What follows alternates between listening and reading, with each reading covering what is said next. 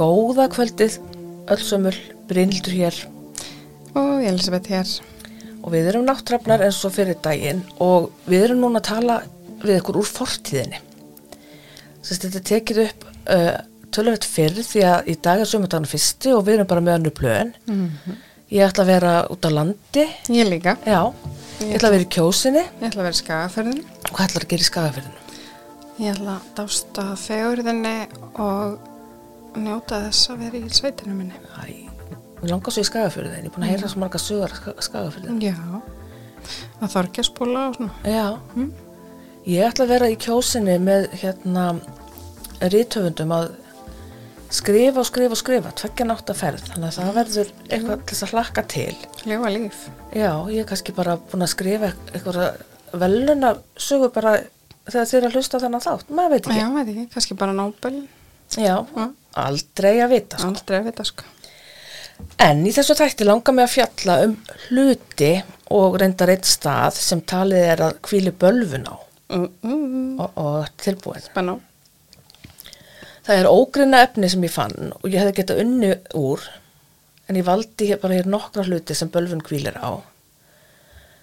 Og eftir ég byrjaði að kynna mér efnið fyrir þáttin komst ég að því að draugasögu podcast hafa tekið nokkra þætti með sama þema. Já, bara sjáta á til þeirra. Ég hlusta á þau, þau eru frábær. Já, ég nefnilega, ég hafði hlustað á Mystík, það Já. dóttið inn í þá og konar rosalega vel við, en var ekki byrjað á draugasögunum, en ég ákvaði að hlusta á þættina þeirra um uh, uh, remdu hlutina og ég bara sogaðist inn í þetta, virkilega, virkilega Mjög auðvelt að sogast inn í hennan. Já, ekkert smá auðveld, sko.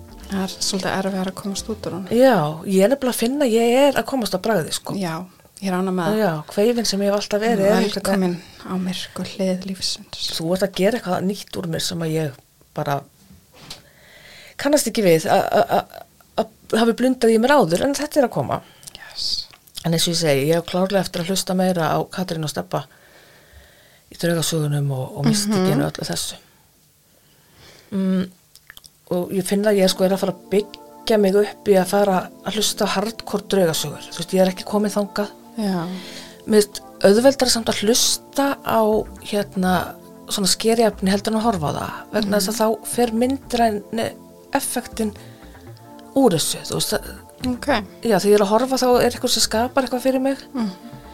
en þegar ég hlusta þá bara býr hugurinn minn til myndir og sem ég ræði betur við. En þetta kemur með æfingunni Áhugavert, en mér finnst nefnilega oft meira að skeri að hlusta af því að heilinni mér býr til meiri óhugnað Ah. en horfa á, sko. þú ert náttúrulega svo ótrúlega dark sko Já, svona er ég. en hættum þessu masi Ella, og byrjum bara Ok. Fyrst ætla ég að fjalla um The Great Bed of Ver eða hið mikla hjónarúm af Ver. Oh my lord. Ekki, er ekki góð þýðing? Já. Fyrir okkur sem erum ekki vel að okkur í landafræði heimsins, sem ég er reyndar alveg ágætlega með að hreinu samt, þá er Ver staður sem er rétt norðan við London. Landafræðinörðin ég, Brynhildur Issa Valkyrja, Mm. reyndi að komast að því hvort þessi staði verður kannski partur af London því hann er svo nálagt en mér skilst þetta sér raun ekki London en tilherir Greater London sem er London og svæði í kring en þú ert náttúrulega miklu meira að betur að þér í, þessum ennsku fræðum eftir að hafa búið í England Já, ég, ég bara er ekki alveg viss samt hvað þetta er, sko. Ég er ekki það vel að mér, sko, greinlega. Nei, En þetta er hann á stórborgarsvæðinu, greinlega. en nóg um það það sem ég ætlaði ekki að halda út í landafræði hlaðvarpi Mm en var hvað það góð hugmynd Já, Geggjum pæling. en ég slæði alltaf Fun with flags. Er það ekki? Ég er nefnilega slæg gjarnan um mig að ég er landafræði grunnskólakennari Mhm. er sest, af samfélagsgreina sviði og þykist alltaf vera rosalega vel að mér landafræði el- elskar landafræði, mér finnst það mjög skemmtileg. Já, ég, mér finnst það líka Sérstaklega samfélagslega landafræði, Já. hún er, svolítið mannfræðilega líka. Mhm. En já, hættum svo landafræði rausi og förum í þetta rúm Rúmið var tvöfalt að stærð ef miðaði við hefðbundin rúm Svo stórt að fjögur pör gáttu auðveldlega sofið í því an þess að tröfla hvert annað Já, ég vil svo lesa rúm. Já, nú fyrir ég að hugsa, ef þetta er tvöfald að stærð, nú á ég bara tvista sem tveir og ég sé ekki fyrir mér að við loki fyrir mig eitthvað að bjóða þér og Guðjón er að sofa reglulega uppi hjá okkur, það var ekki það mikið Það pláss. er þúslega leðilegt. Já, en, ok, ég skal hætti þessar stífni og kannski býða ykkur í sleepover.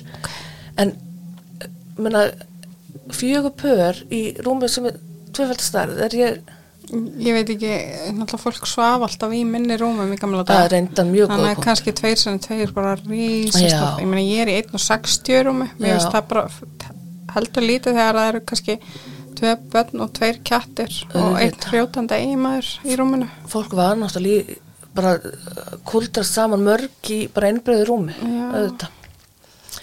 Um, en veg, vegna stærðar rúmsins fóru mikla keftasögur á stað og saga var á sveimi átjönduöldinni að 26 menn og konurna þeirra hefðu gist í því á sama tíma.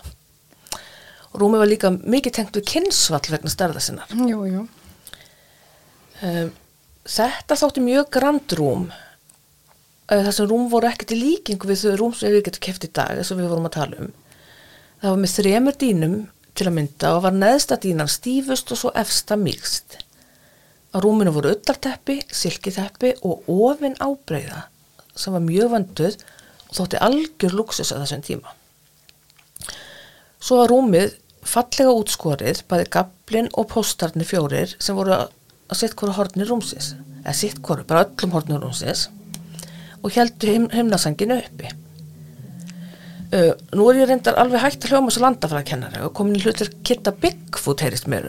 Fór hann ekki í, í rúmsölunni? Ég heyrði það eitthvað um hann. Já, hann var að vinna í, í rúmabúð Það er ekki líka að gera Ólafs Ger Ólafs líka. Já, að Það er nú ekki leiðum að líkast. líkast. Hm, Kitta Ger. Hm. Góður í rúmfræði En ég ætla ekki að selja ykkur þetta rúm, heldur segja ykkur frá þeim hryllingi sem rúmið bauð þeim upp á sem sváf í því.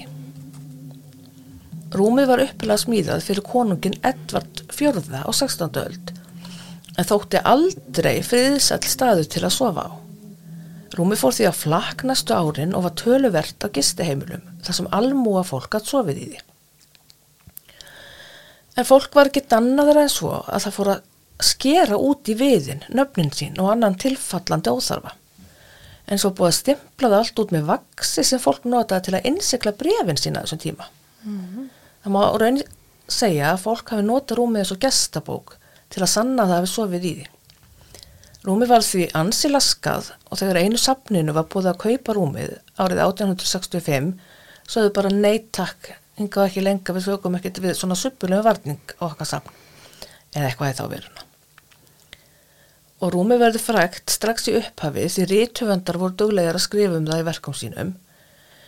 Vilhjálmur Hristispjót sem flesti þekki betur sem William Shakespeare. Já, jú, jú, góð því en kjöður Já, það ekki. Jú, jú, Vilhjálmur Hristispjót, ég segi þetta alveg fyrir mér. já, ég líka Það er svolítið dónalega, ekki að ná um það. Smá sett, hann skrifaði til dæmis um rúmið í The Twelfth Night árið 1601 og við heyrum líka af rúminu í The Holly Tree eftir Karl Reður, nei, nei, Charles Dickens, ég ætla ekki að fara hérna í eitthvað overbort hérna.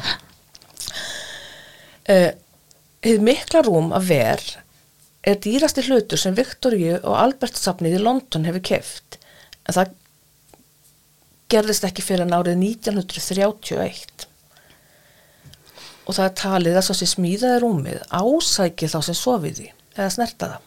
Vegna þess að hann er ósáttu við hvað er búið að fara illa með það. Já, einmitt. Já, það er búið að gra- graffa það allt saman út sko þessi snerta rúmið á safninu eru sagðir upplifa mikla ógæfu í marga daga eftir jafnvel vikur og mánuði Þeir sem sofið í rúminu tala um að finna fyrir nærveru einhver sem á ekki að vera þar og upplifa það sem jafnvel í hættu, heyri einhverjum urragrimilega og hafa vaknað með marbletti, rispur og sumir jafnvel bitför sem verðast vera eftir eitthvað dýr. Og sumt fólk hefur jafnvel vaknað bara út á miðju gólfi. Þannig að sá sem smíða rúmi lítur greinilega ekki á það sem neitt djók að fólk hafi graffað rúm, rúmi svona hressilega. Þannig ég segi nú bara krakkar, förum vel með eigur annara og sínum við virðingu. Nákvæmlega, það er An- bara mjög gott allt út í lífið Annars veitum við aldrei hvað gerist. mm. Næst ætla ég að færa mig til The Unlucky Mummy eða óheilla múmíunar. Já, Það reyndir ekki um eiginlega múmíu að ræða, heldur lok af kistu sem hefðarkona var jörðuð í á bylunu 950 til 900 fyrir Krist. Lokið er 1,62 cm á lengt og gert úr viði og gifsi og smáatriði voru málið á gifsið og hendur standa út úr trélókinu. Með það hvað gamalt lokið er og hvað vel það heldur sér sérst að það var af miklum gæðum. Og þetta tali hafa verið partur af kistu hefðarkonu vegna þess að það var búið að mála persónuloki sem var skegglaus. Uh, já, þannig að það var dreins og álíktanur að þetta verið kona en hvað vitu við í raun. Mm. Það voru svo fjórir ungir englendingar sem fór til Egiptalands eftir útskrift í Oxford. Uh, það var nú ekkert svona grand þegar ég var útskrifast, við fórum nú bara á hérna til Portugal í útskriftaferð en Nei, ég fór bara ekki neitt. ekki neitt, að þeir til, til Egiptalands, þessir gaurar úr Oxford.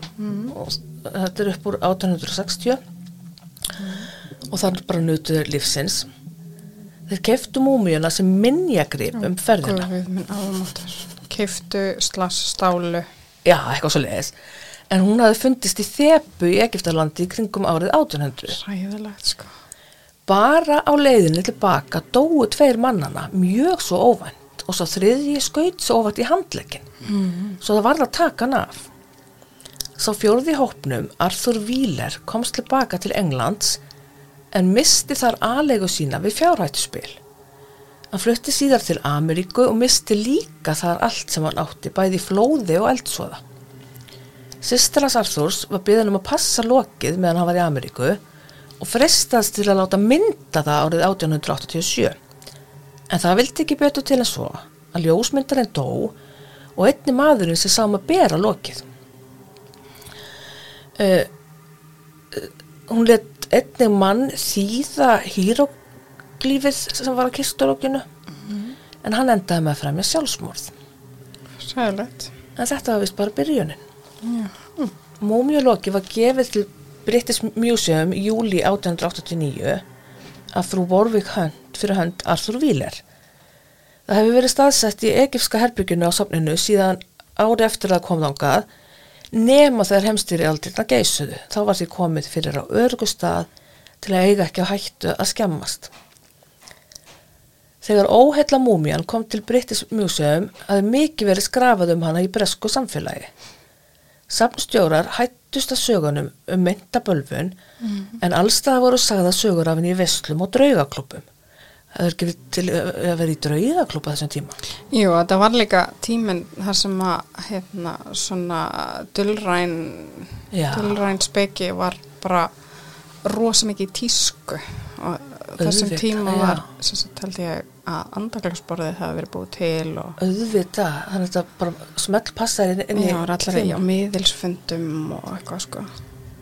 Við höfum verið fínar það hefur verið fínar hana Það var svo árið 1904 sem almenningu far smjör þef af bölvuninni þegar blaðamadurinn Bertram Fletcher Robinson byrti forsýðu grein í Daily Express sem kallaðist Priestess of Death og fjallaði um umrætta múmíu.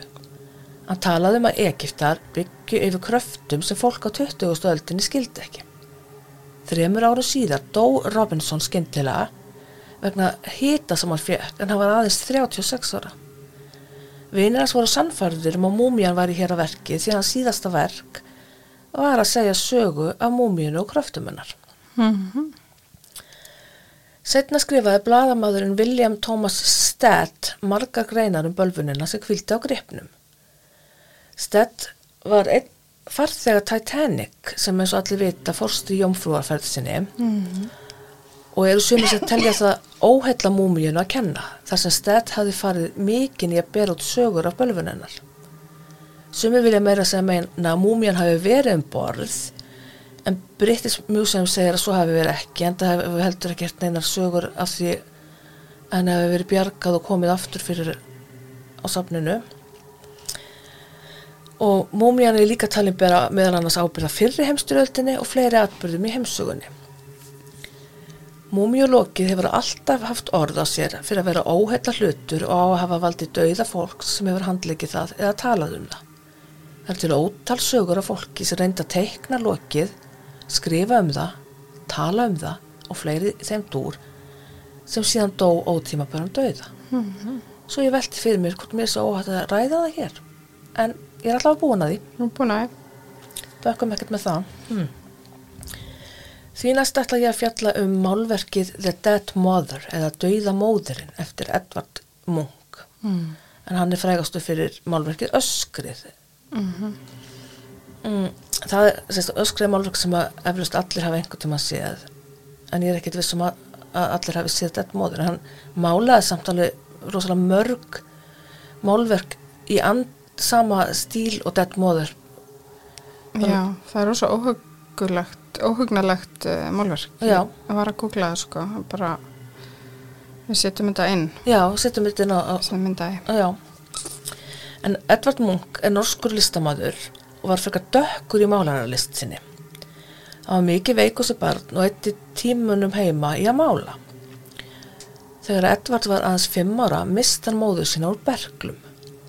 Pappan stóð því eftir einn með fimm ung börn og fór að fullum krafti inn í trúnna til að halda sönsum.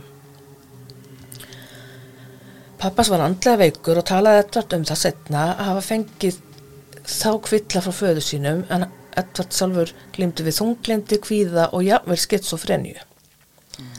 Yngri sýstir hans var greint andlega veik sem barn og dó ungað árum.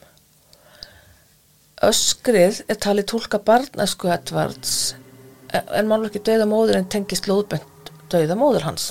Mm.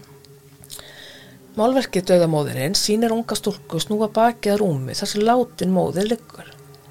Stúlkan heldur höndum um eirun og er með einhvers konar vantrúarsvip, segir í lýsingum, en sjálf þegar ég horfa á þessa mynd þá skinni ég bara barn sem er hrætt og að reyna að aftengja sig aðstæðum. Mm En eins og tölum við áðan þá setjum við inn myndamálverkinu á samfélagsmiðlun okkar. Þá getur bara hver dæmt fyrir sig. Eh, Edvard lísti sjálfu verkum sínum og sagði þau fjallum veikindi, geðveiki og dauða. En hann talaði um þessa þætti sem svörtu englana sem gættu vögguna hans. Mm. Eh, Fólk sem hefur átt þetta málverk segir að rúmfötin á rúminu reyfist stundum eða heyrist í þeim reyfast og að augustúlkunar eigi það til að hverfa af málverkinu eða fylgja fólki eftir.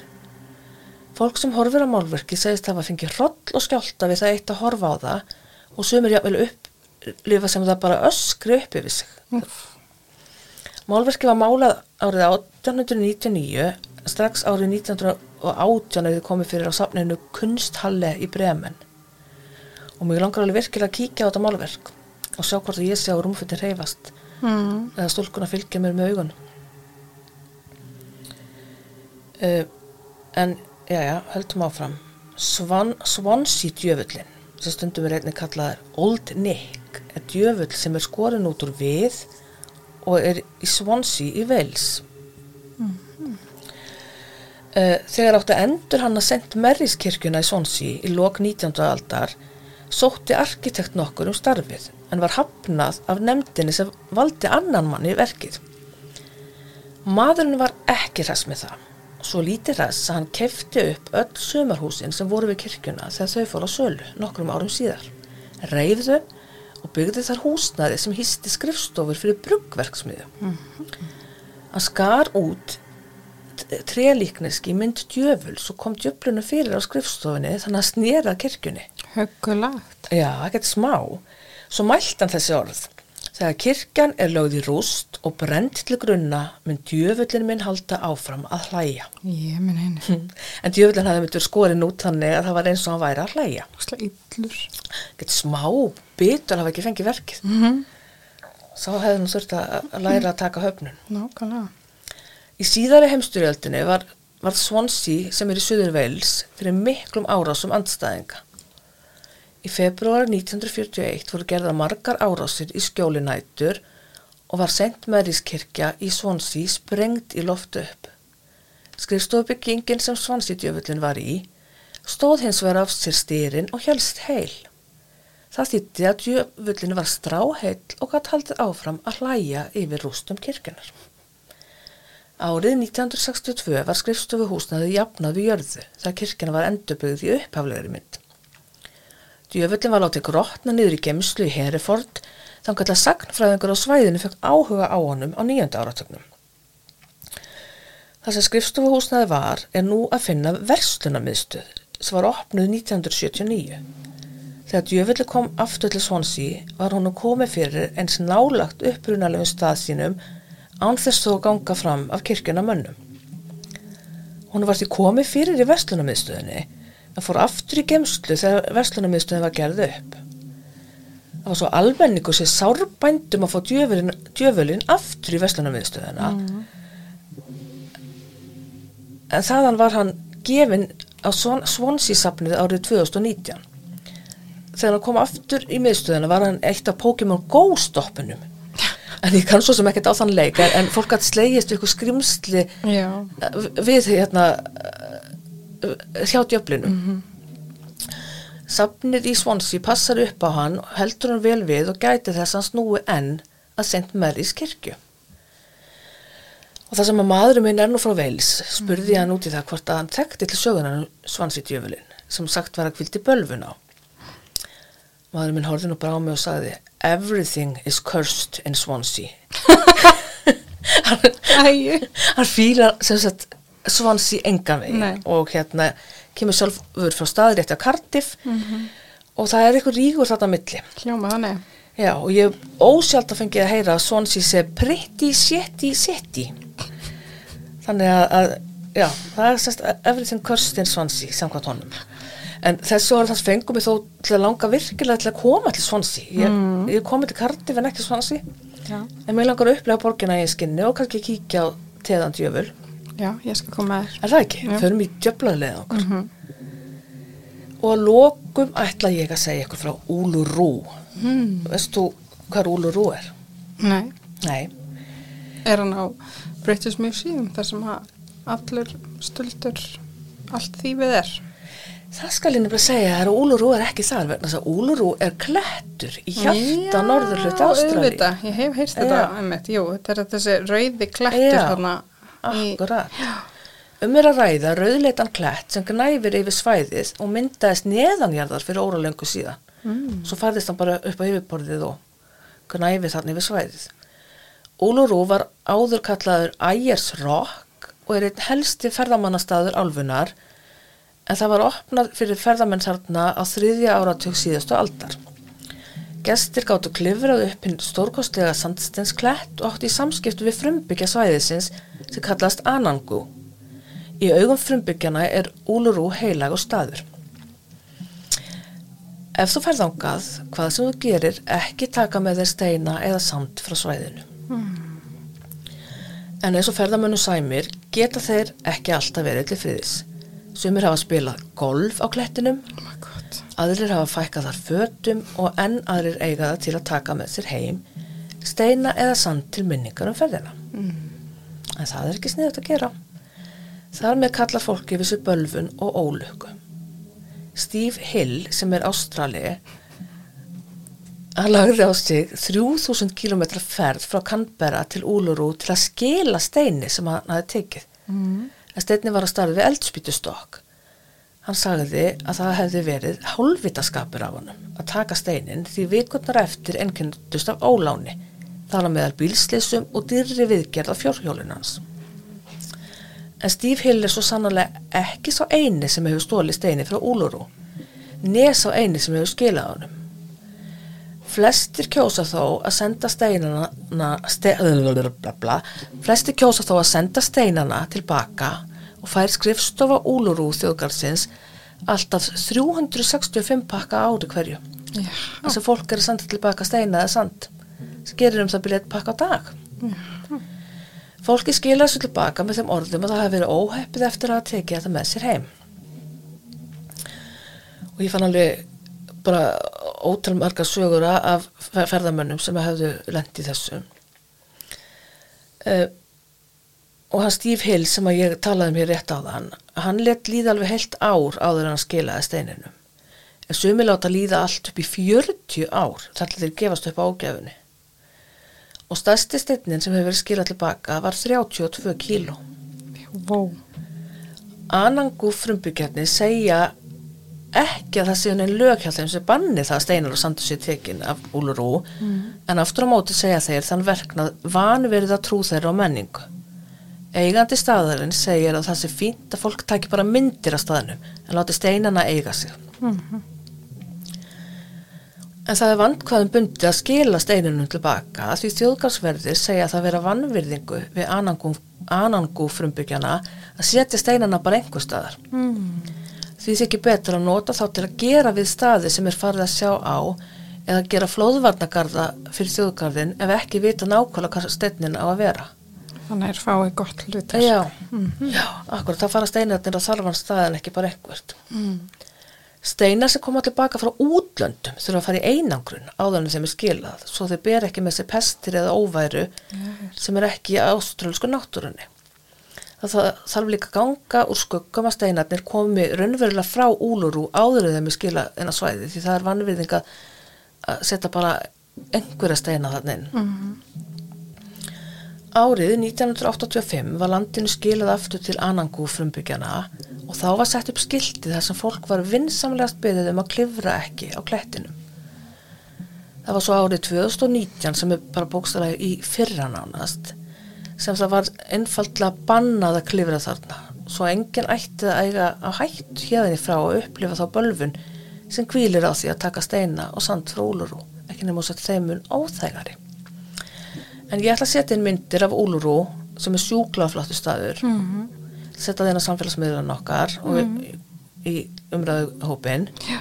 ég set líka inn myndir af hinu hlutunum svo þau geti skoða þá í bak og fyrir og eins og ég saði upp að við hefði ég getað valið úr svo mörgu til að ræða og finnst ekki ósennilegt að við gerum fleiri þætti þessum anda og síðari stigum Mm. Ef þið eigið ykkur uppáhalds hlut eða stað sem hvílir bölfun á, hendi því á okkur svo við getum fjallað um það síðar. Endilega. Það útrúlega gaman líka bara að heyra ef það er eitthvað svona í fjölskyldun eitthvað. Já, nákvæmlega. Það er hérna eitthvað svona gammal hlutur Já. eða eitthvað sem að Algjörlega. tengið við eitthvað hlut eða stað. Leifið okkur að heyra. Mm. Annars bara, takk, takk fyrir að hlusta á þáttinn. Þið megið gjarnan gefa okkur stjörnur á þeim veitum sem þið hlustið á. Fimm stjörnur hjálpa okkur jú mest, en hér er engin pindur í neitt.